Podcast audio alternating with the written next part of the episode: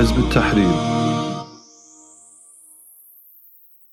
Assalamu alaikum wa rahmatullahi wa barakatuh.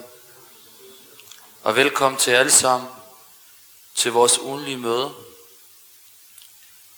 hvor vi i dag i aften ikke overraskende vil tale om den her hændelse i Tyrkiet og Syrien, den her voldsomme jordskæld, det her voldsomme jordskæld.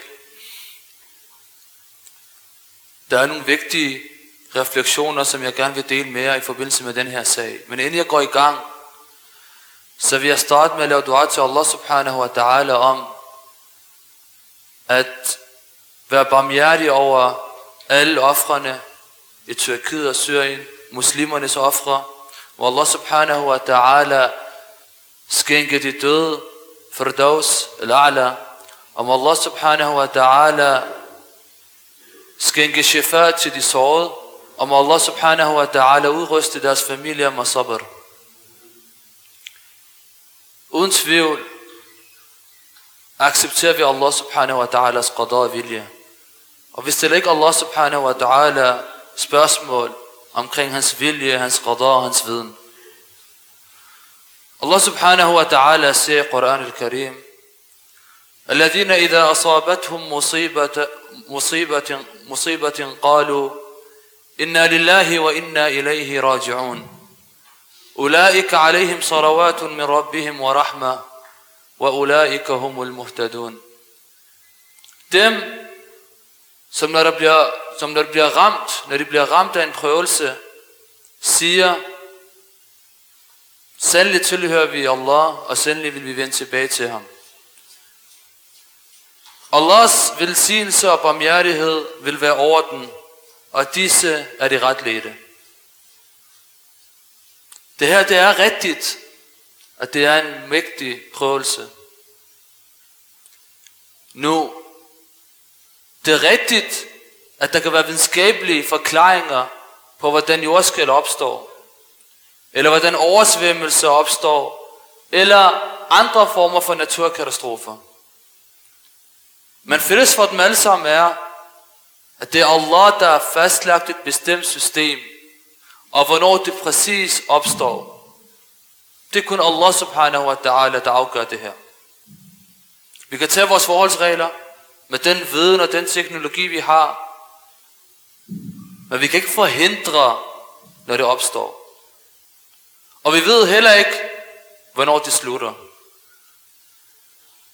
الله سبحانه وتعالى سيا آمنتم من آمنتم من في السماء أن يخسف بكم الأرض فإذا هي تمور؟ أم أمنتم من في السماء أن يرسل عليكم حاصبا فستعلمون كيف نذير؟ Føler I jer i sikkerhed mod, at den, der er i himlen, ikke lader Eller føler I jer i sikkerhed mod, at den, der er i himlen, ikke sender en sandstorm over jer, så vil I få at vide, hvad min advarsel betyder. Qadar kan muslimer opdelt i to. Og jeg skal nok forklare, hvorfor jeg nævner alt det her først. Qadar opdelt i to. Der er den qadar, som Allah subhanahu wa ta'ala har fastlagt i skabelsen og i naturen, bestemt system, naturkatastrofer, vejrforhold, hvordan planeterne er placeret, hvordan de cirkulerer på en bestemt bane. Og så er der en anden type af qadar, hvor det ikke har noget med skabelsen og naturen at gøre, men som kan opstå og kan hen over os mennesker, selvom mennesker kan tage alle sine forholdsregler, som flystyrt, bilulykker osv. Og så der ikke opstår tvivl, så kan de her katastrofer være en straf fra Allah. For kuffar, de oprørske, undertrykker. Allah subhanahu wa ta'ala, han siger, وَإِذَا أَرَدْنَا أَن نُهْلِكَ قَرْيَةً أَمَرْنَا مُتْرَفِيهَا فَفَسِقُوا فِيهَا فَحَقَّ عَلَيْهَا الْقَوْلُ فَدَمَّرْنَاهَا تَدْمِيرًا Og når vi bestemmer os for at til intet gøre en by, sender vi først en befaling til de rige, der er på magten, om at handle ret. Men de handler i oprørskhed, og så bliver ordet over den til virkelighed, og vi jævner den med jorden. De her katastrofer kan være en påmindelse og en advarsel for dem, der er på afvej, om at de, kan, om at de skal vende tilbage til Allah, før det er for sent. Allah subhanahu wa ta'ala siger, وَمَا أَرْسَلْنَا فِي قَرْيَةٍ مِّن نَبِيٍّ إِلَّا أَخَذْنَا أَهْلَهَا بِالْبَأْسَاءِ وَالضَّرَّاءِ لَعَلَّهُمْ يَضْرَعُونَ Og vi har ikke sendt en profet til en by, uden at ramme dens indbygger med trængsler og prøvelser, så de måtte vende tilbage til Allah med ydmygelse. Og de her katastrofer kan være prøvelser for de troende, for at øge deres rang og for at slette deres sønder. Allah subhanahu wa ta'ala siger, وَلَنَبْلُوَنَّكُمْ بِشَيْءٍ مِّنَ الْخَوْفِ وَالْجُوعِ وَنَقْصٍ مِّنَ الْأَمْوَالِ وَالْأَنفُسِ وَالثَّمَرَاتِ. وبشر الصابرين الذين إذا أصابتهم مصيبة, مصيبة قالوا إنا لله وإنا إليه راجعون.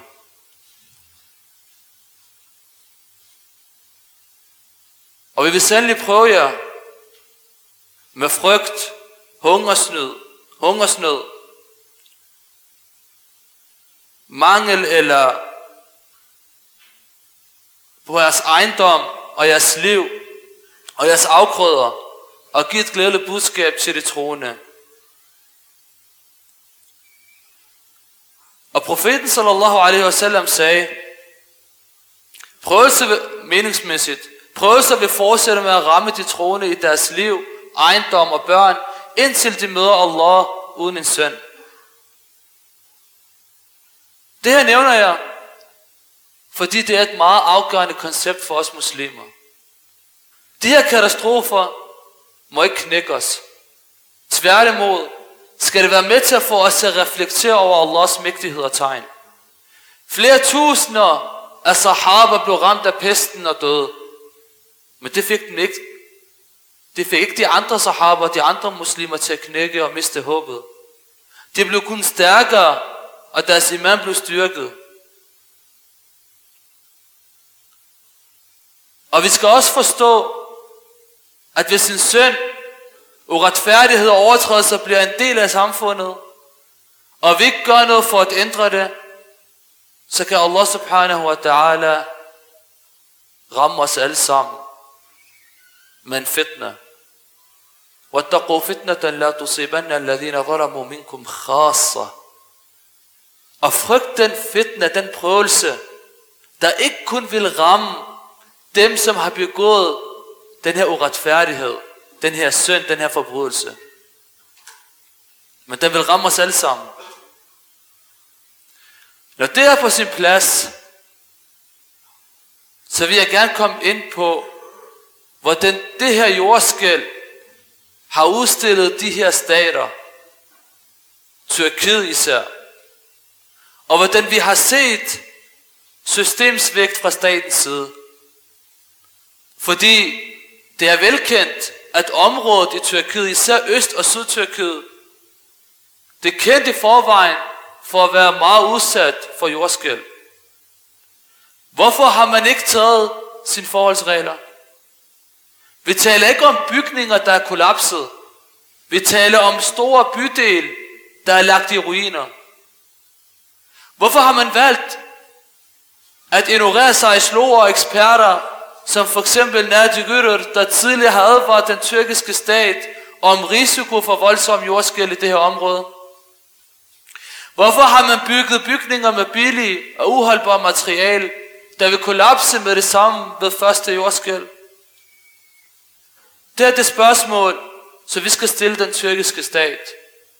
Og ikke omvendt, som vi så det i dag for nogle timer siden, hvor Tyrkiets justitsminister Bekir Bozdak sagde, at Tyrkiet vil stille de ansvarlige til regnskab for at bygge disse uholdbare bygninger, som blev bygget ulovligt.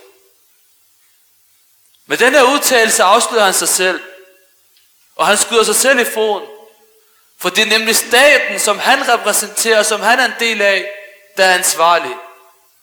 Staten havde kendskab til de her bebyggelser, men valgte ikke at gøre noget dengang. Og når jeg, så jeg glemmer det, lad mig bare besvare spørgsmålet i stedet for staten. De her bygninger blev bygget med billig material af private virksomheder, så de kunne tjene penge på det, og endda på bekostning af staten, og på bekostning af muslimernes, død, øh, muslimernes liv. Noget andet, som er vigtigt her, det er statens reaktion efter jordskælvet. For det, det viser nemlig, at staten ikke var klar, og den var ikke forberedt. Mangel på ressourcer og mangel på de nødvendige midler i de her områder.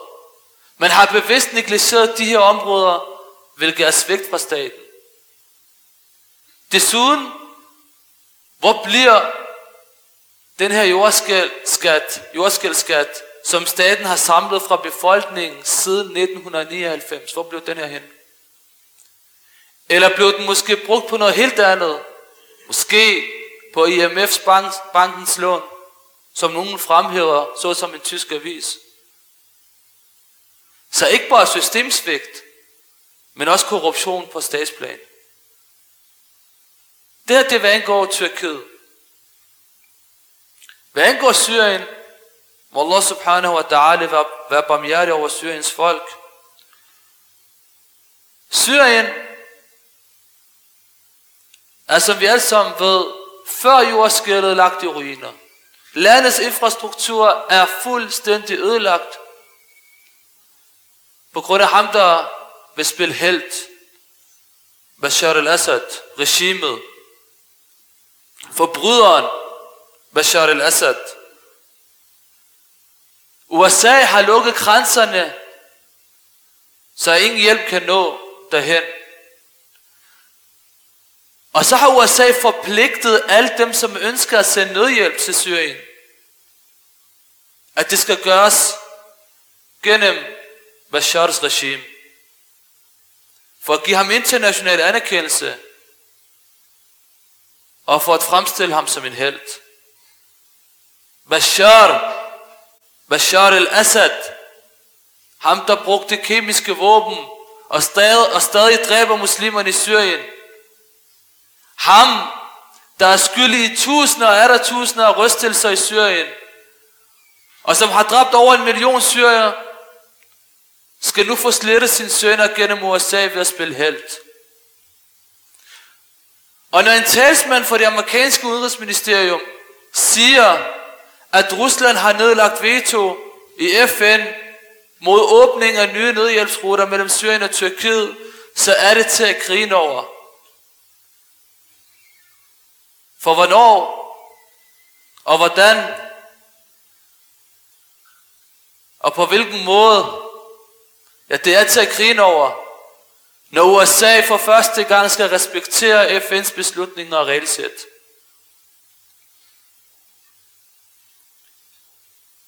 Kære muslimer, problemet ligger ikke i en person. Det er ikke Erdogan i Tyrkiet. Det er ikke Bashar al-Assad i Syrien. Det her det er personer, det er ansigter, der kan udskiftes. Det er selve systemet, der eksisterer. Så hvis nogen spørger, jamen Erdogan kom på magten, og nogle af de her bygninger, der er blevet ødelagt og lagt i ruiner, de blev bygget før Erdogan, så ved, at det er systemet, der er problemet. Det er det sekulære system, der er problemet.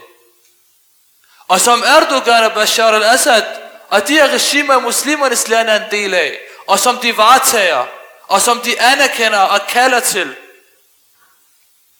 Khilafa derimod, med islams styresystem,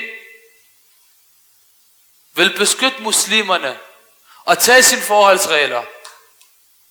Islams styresystem er bygget op omkring at varetage folk med islams retfærdig, retfærdighed og med taqwa. Og ikke ligesom de her eksisterende sekulære systemer, hvis formål er at varetage en bestemt kapitalelite.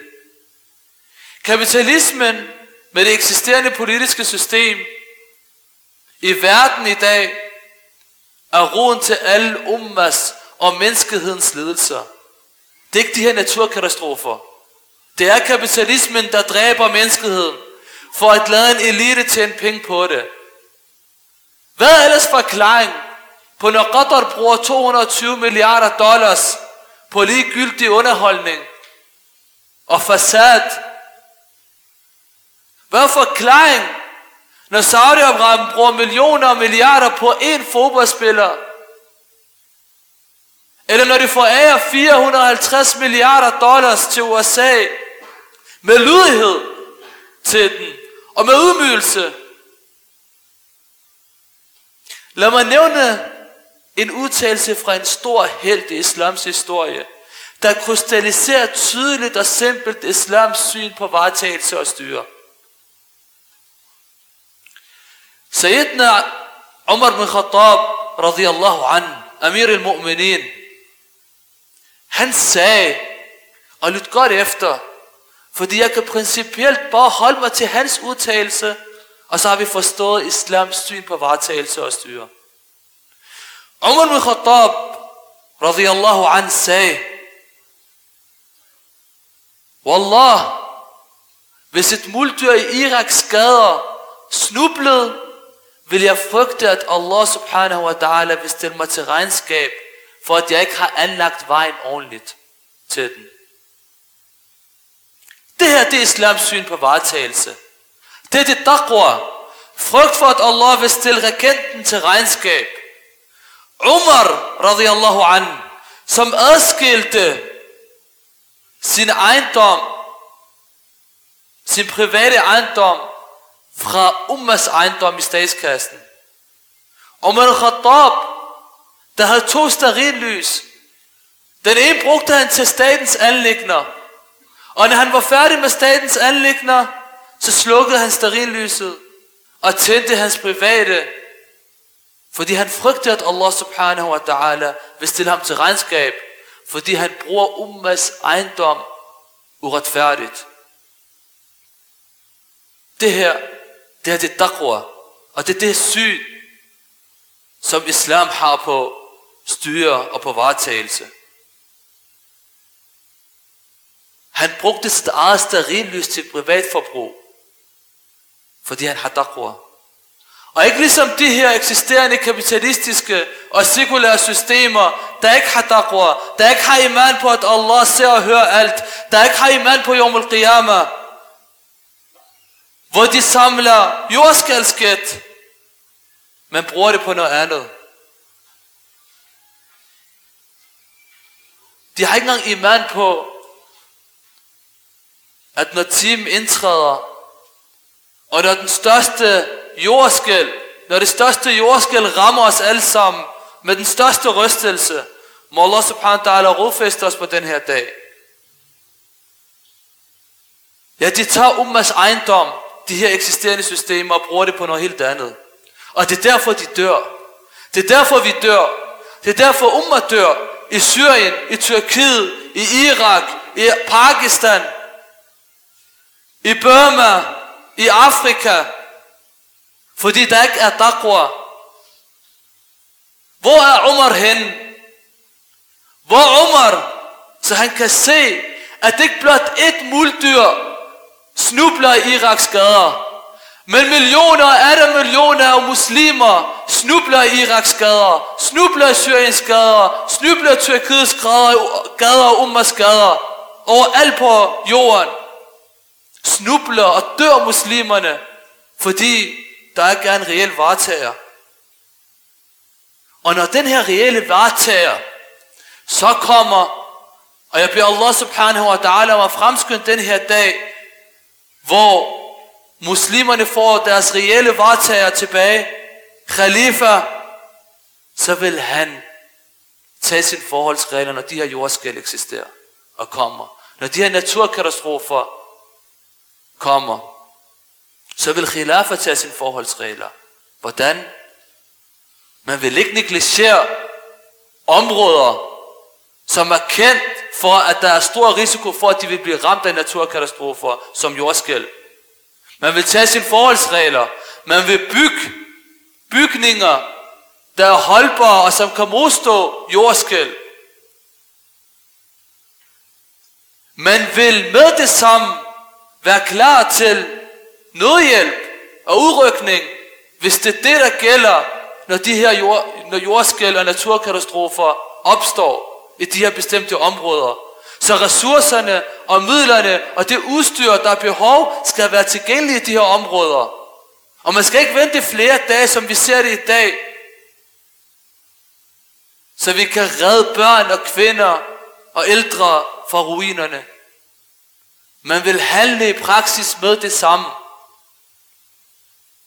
Og man har på forhånd tegnet plan for, hvordan man vil hjælpe de her områder, der har stor risiko for naturkatastrofer.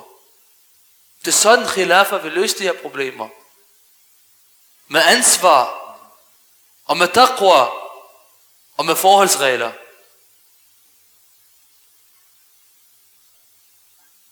Inden jeg slutter af, vil jeg fremhæve noget, som faktisk har rørt mig personligt, og som jeg ved har rørt os alle sammen, fordi vi er en umma. Det vi har set i dag, har endnu en gang vist os, at vores beærede og elskede umma er livlig.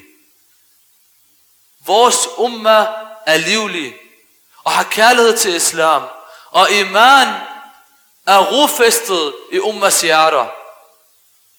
Den her umma har en mægtig akida, og vi ser den i dag, når de her prøvelser rammer den. For de så alle sammen, hvordan en ældre kvinde nægtede at gå ud af ruinerne, uden slør, der dækker, sin, der dækker hendes aura, uden et tørklæde, fordi hun ønsker at følge islams ahkam, velvidende om, at hun højst sandsynligt har en sharia-mæssig undskyldning. Men hendes bånd til islam og hendes bånd til Allah subhanahu wa ta'ala er tydelig. Og vi alle sammen så, hvordan den her gamle mand, der ikke kunne komme ud af morbrokkene, da Salah indtrådte, ønskede wudu, så han kunne vaske, så han kunne lave wudu og lave Salah. Fordi han frygtede, at Salah ville gå ud. Selvom han igen har undskyldning overfor Allah subhanahu wa ta'ala. Og vi så den her lille barn, den her unge, bar, unge dreng, der sad fast mellem morbrokkene i Syrien. Og mens muslimerne prøvede at redde ham, så fortsatte han med at erklære shahada højt.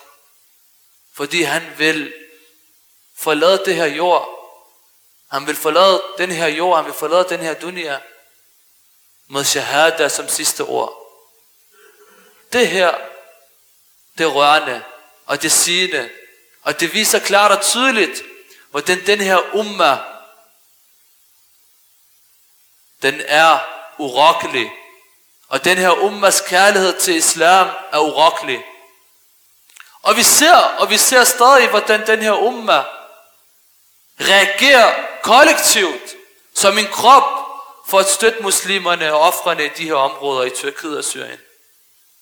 Jeg beder Allah subhanahu wa ta'ala endnu en gang om at lade hans barmhjertighed regne ned over muslimernes ofre i Tyrkiet i Syrien. Om Allah subhanahu wa ta'ala fremskynde etablering af khilafa rashida, der vil varetage muslimernes anlægner ifølge islams retfærdighed og barmhjertighed. Amin. Walhamdulillahi rabbil alamin og muligheden for at stille spørgsmål og kommentarer er indtrådt. Det er jeres tur. I har mulighed for det. Hvis I blot markerer jer, så vil mikrofonholderen give jer mikrofon. Og dem af jer, der følger med live over vores Facebook-side, har selvfølgelig også mulighed for at bidrage med spørgsmål og kommentarer. Og vi vil inshallah gøre vores yderste på at besvare dem. Salam alaikum. Alaikum salam. Barakallah fik. Du var inde på rigtig mange forskellige ting. Jeg vil bare høre, om du ikke kunne lave en lille opsamling og fortælle os, hvad skal vi tage med herfra, når vi forlader masjid? Hvad er det, vi skal have taget med for dit oplæg? Barakallah fik. Og fikum barakallah. Det vi skal forstå, det er, at uanset hvad, uanset hvad der hænder over os. Så skal vi tage vores forholdsregler. Vi har iman på Allah subhanahu wa ta'alas vilje og viden. Men vi ved også godt, at vi kan tage vores forholdsregler. Det andet, som jeg gerne vil fremhæve, det er de eksisterende systemer. Muslimernes land bliver styret med uretfærdighed, med rulum, med undertrykkelse, med kufur. De her stater viser gang på gang, hvordan de svigter den her umma. De her regimer viser gang på gang, at de ikke er en del af den islamiske umma. De viser gang på gang, at de er ligeglade med muslimernes liv, og muslimernes blod, og muslimernes ressourcer. Så når vi har forstået det her, så skal vi også forstå, at vi som muslimer er forpligtet til at ændre tilstanden. Vi som muslimer er forpligtet til at arbejde kollektivt for at ændre det eksisterende politiske system i muslimernes land. Og erstatte det med islams styresystem, khilafa. Hvis vi ønsker at frelse umma, hvis vi ønsker at redde muslimernes liv og ejendom, så skal vi forstå, at det kan kun gøres gennem etablering af en stat, der repræsenterer reelt muslimerne, og det er kun khilafa. Det som vi ser i dag, er velgørenhed og kæmpe stor indsats, indsats blandt muslimerne, er nobelt og prisværdigt og stort, og det er noget, muslimerne skal fortsætte med, fordi det er tegn på, at muslimerne har, muslimerne udviser ansvar og følelser for hinanden og kærlighed for hinanden. Men vi er også nødt til at forstå, at mens vi gør det her, så vil det her kun være lappeløsninger. Den reelle løsning er, at man radikalt ændrer den politiske system i muslimernes lande. Fordi det, der beskytter de vestlige befolkninger, og det, der beskytter en hvilken som helst befolkning, det er staten. Det er deres stater, der beskytter dem. Mod krig, mod trusler, mod naturkatastrofer, mod hvilket som helst. Selvfølgelig, så er det ikke misforståelse, det er ikke fordi, så er det ikke opstår misforståelser. Det er ikke fordi, vi kan beskytte os 100% mod naturkatastrofer. Allah subhanahu wa ta'ala, hvis han vil, han kan udrydde, selvom vi har udryddet alt, selvom vi har taget vores forholdsregler, men vi er forpligtet til at tage vores forholdsregler. Det er det, som Allah ta'ala forpligter os. Og i det her spørgsmål, hviler pligten på staten, for det er deres ansvar. Det er dem, der skal varetage folket. كلكم مسؤول وكلكم مسؤول عن رعيته والإمام راع ومسؤول عن رعيته Muhammad sallallahu alaihi wasallam siger i en hadith, som er sahih, at enhver ejer er en vartager, enhver ejer er ansvarlig for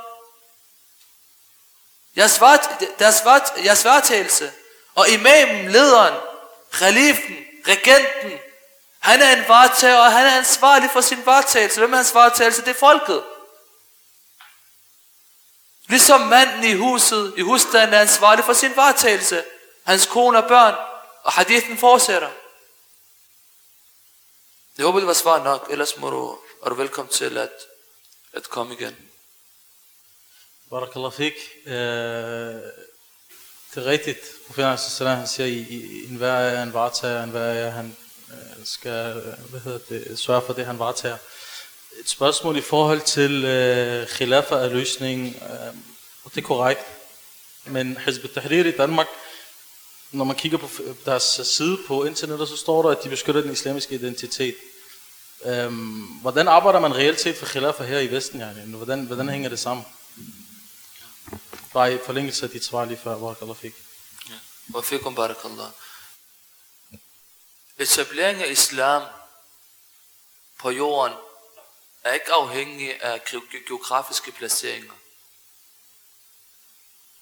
Etablering af islam er en forpligtelse for enhver muslim at etablere islam vores arbejde her i Danmark, eller i USA, eller i England, eller i Vesten, hvor vi, som, hvor vi ikke ønsker at etablere khilafa som startskud, eller som, som, som, som, som i starten med andre ord, betyder ikke, at vi ikke har en rolle og ansvar, og vi ikke har en mening og en betydningsfuld og påvirkningsfuld rolle i det her mægtige arbejde. Vi arbejder kollektivt. Vi er en del af den her mægtige umma. Uanset hvor vi befinder os hen. Og vores arbejde, vores arbejde her, er med til etablering af khilafa muslimernes land. Fordi metoden er den samme. Den lille forskel, den eneste forskel, som er mellem os, der er her, og i muslimernes land, det er faktisk, at vi ikke ønsker, vi ønsker ikke at tage magten her i Vesten. Vi ønsker ikke at, at vælte systemet her i, i Danmark, eller USA, eller Vesten. Det er muslimernes land. Men ellers er metoden den samme. Desuden, din rolle her i Danmark kan have en stor betydningsfuld rolle, og endda større end nogen, der er i muslimernes land.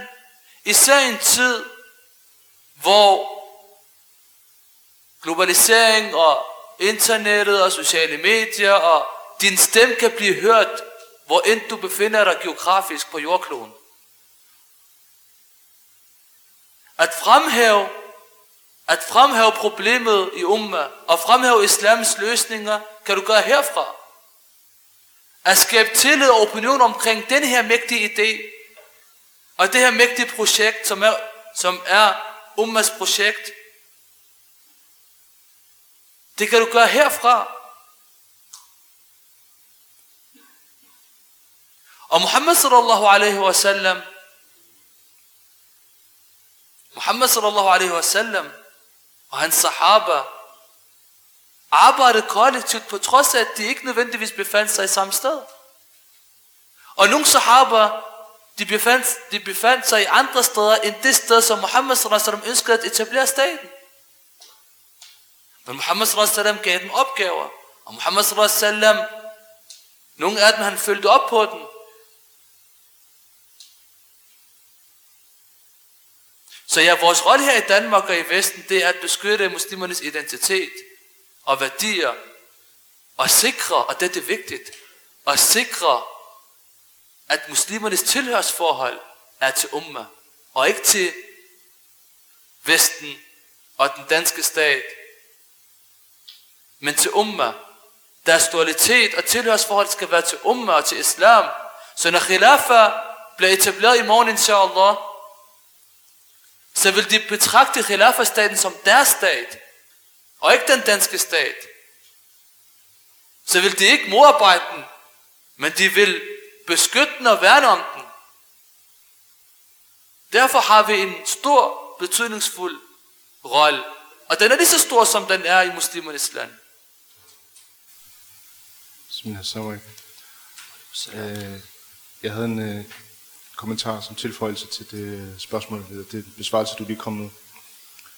Øhm, fordi der er en sammenhæng, en meget direkte sammenhæng mellem at beskytte muslimernes identitet, som er det, vi øh, øh siger, at vi laver her i Vesten, og så at arbejde for etablering af khilafer.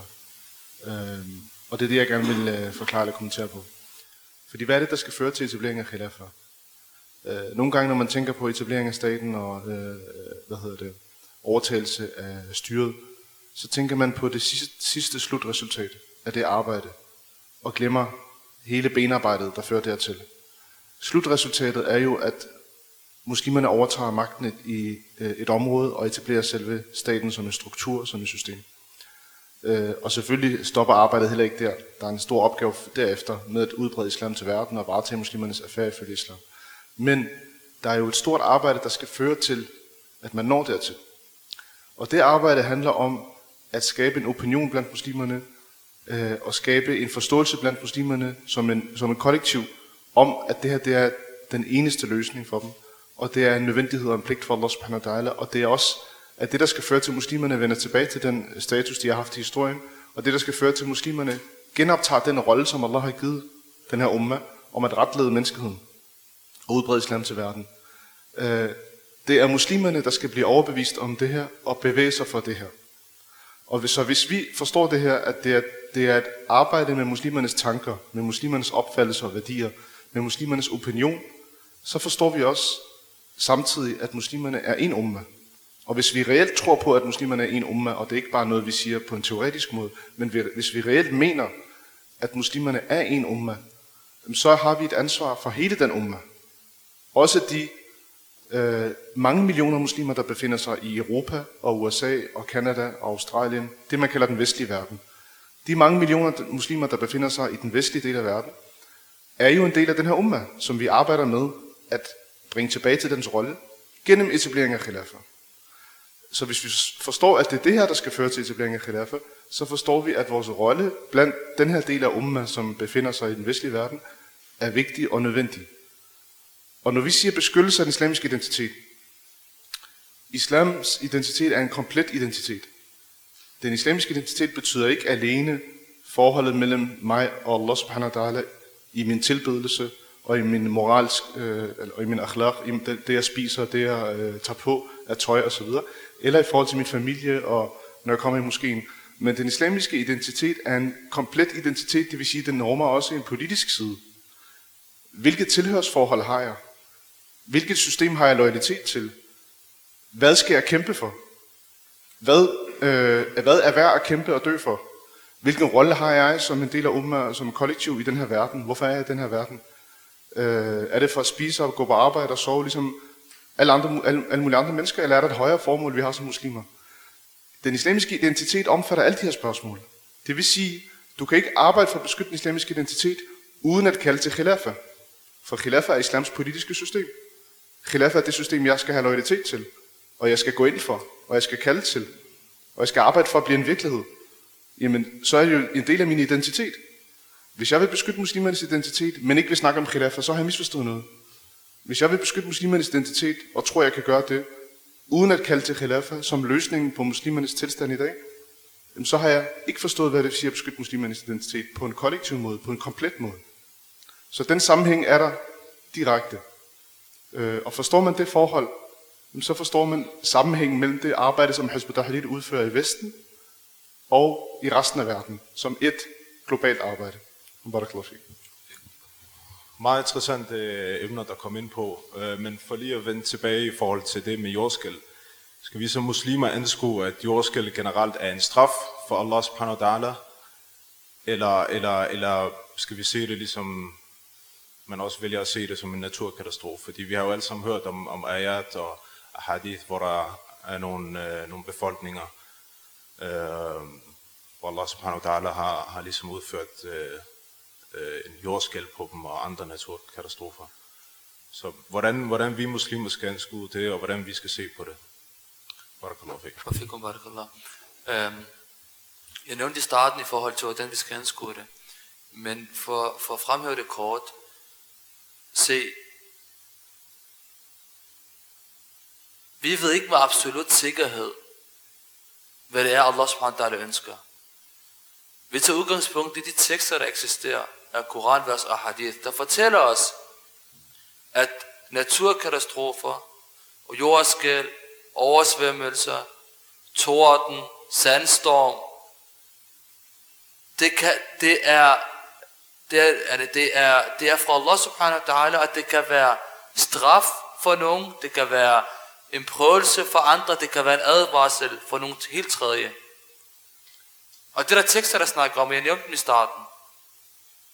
Så vi skal anskue det som, vi skal anskue det som, at Allah subhanahu wa ta'alas tegn bliver, vi, bliver, bliver fremvist over for os. Vi skal reflektere over den, og vi skal vende tilbage til ham subhanahu wa ta'ala. Nu, hvad angår det, du fremhæver i forhold til, jamen der er tekster, der snakker omkring, at Allah subhanahu wa ta'ala udrydder, straffer den med udryddelse osv. Her, Allah subhanahu wa ta'ala, her Allah subhanahu wa ta'ala fortæller os i Koran, at dem, som han har destrueret gennem de her naturkatastrofer, det er folkefærd, som var kuffar og ulydige over for Allah subhanahu wa ta'ala. Og han destruerede dem alle sammen. De eksisterer ikke længere. Hvorimod dem, som han advarer, og dem, som han prøver med de her naturkatastrofer, dem destruerer han ikke fuldstændigt. Men de bliver ramt. Nogle af dem bliver ramt.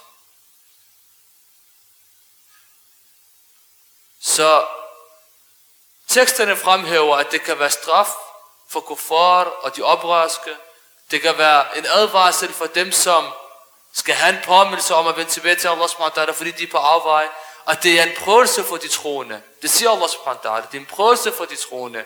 For at løfte deres rang og for at slette deres sønder. Og, og de døde blandt de troende muslimerne, blandt andet, øh, som for eksempel det her jordskæl, de martyrer, de shuhada, som hadithen fremhæver, og berettede Abu Huraira radiyallahu an. Og den er, det er en hadith hos uh, muslim, hvor profeten sallam siger, martyr er fem, og, og blandt de fem, så nævner profeten sallam, at en der dør grundet kollaps af, af bygninger, meningsmæssigt. Der, der er et spørgsmål her fra Facebook, tror jeg. Salam alaikum, bror. Hvordan vil khilafa agere under naturkatastrofer? Hvilken, til, øh, hvilken tilgang vil khalifen have til, til naturkatastrofer? Wa alaikum salam wa rahmatullah. For at, øh, for at øh, nævne det kort igen. Nu, en bestemt plan, sådan, hvor den er fuldstændig tegnet i, i detaljer, det kender jeg ikke til. Men jeg kan fortælle, at khilafa vil tage sine forholdsregler på en bestemt måde, hvor man, hvor man efter studier og, og, og rådgivning med eksperter, der ved, at der er nogle bestemte områder, der er udsat for naturkatastrofer, jordskæl, tsunami osv., at man vil så sætte sine forholdsregler ud fra det her.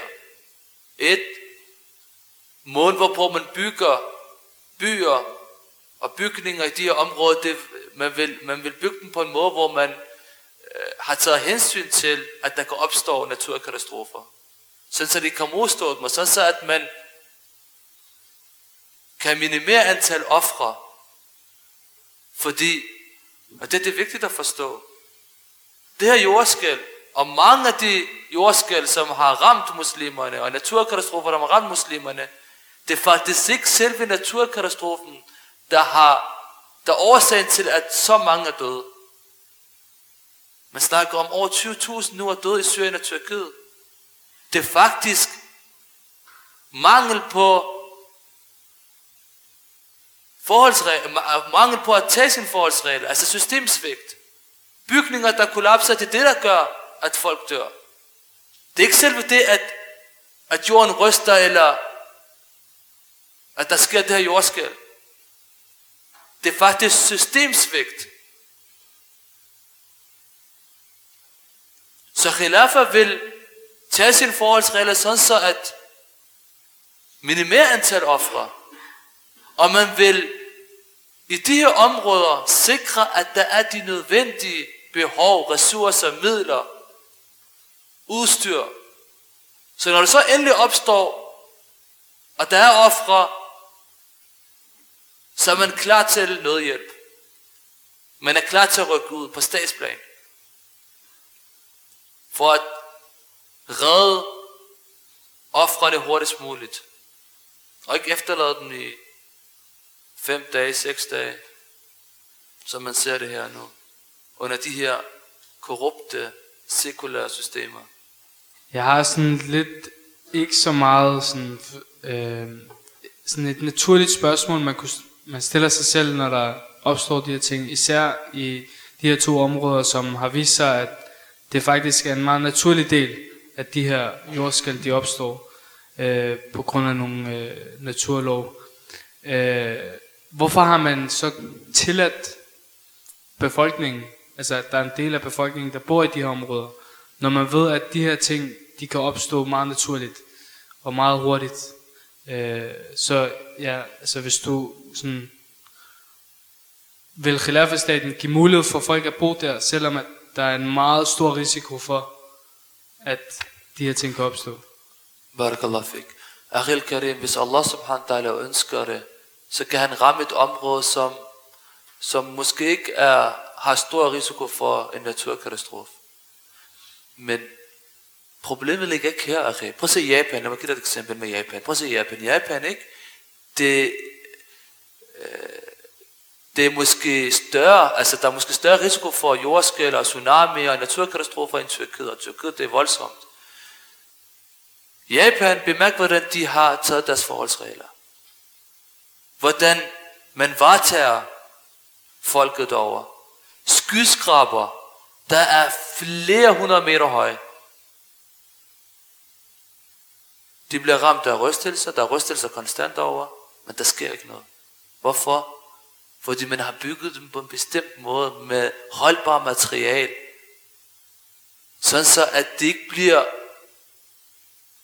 påvirket, når jordskæl eller tsunami og så videre rammer den. Så de tager deres forholdsregler. Så det er jo ikke fordi, du så siger til det japanske befolkning, at nu skal I ikke bo længere i Japan. Det er ikke sådan. Nu, det er ikke fordi, Khilafah siger til befolkningen, du skal bo der. Det er jo folks egen frivillige ret til at vælge at bruge, hvor de vil. Men det er statens opgave, så det du fremhæver her, det er faktisk endnu et bevis på systemsvigt. Når du siger det her med i Tyrkiet, at hvorfor lader man folk, altså, det er ikke spørgsmål omkring, det er ikke spørgsmål omkring, hvor de bor, det er spørgsmål omkring, hvad har du gjort for, at du sikrer, at de har det godt.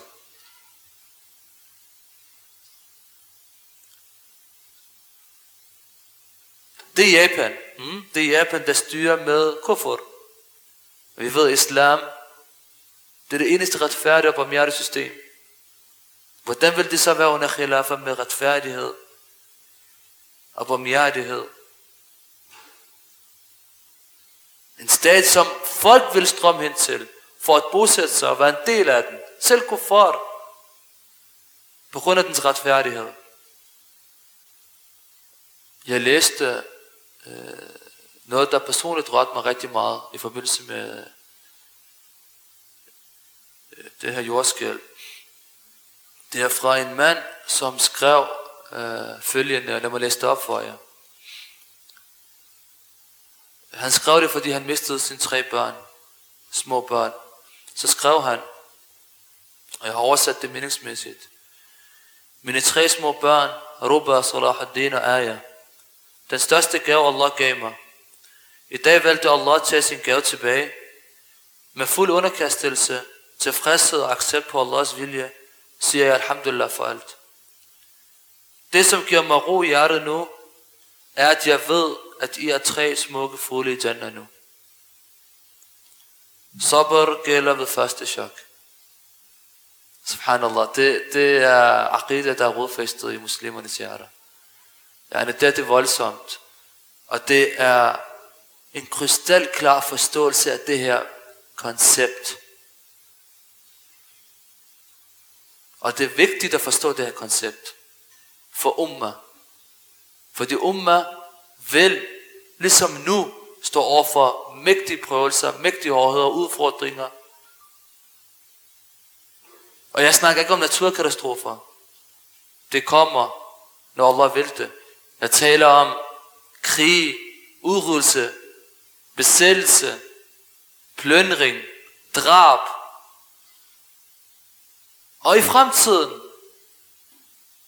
fordi den her umma vil fortsætte med at clashe med kuffer og med falskheden, indtil Allah subhanahu wa ta'ala afgør sin sag.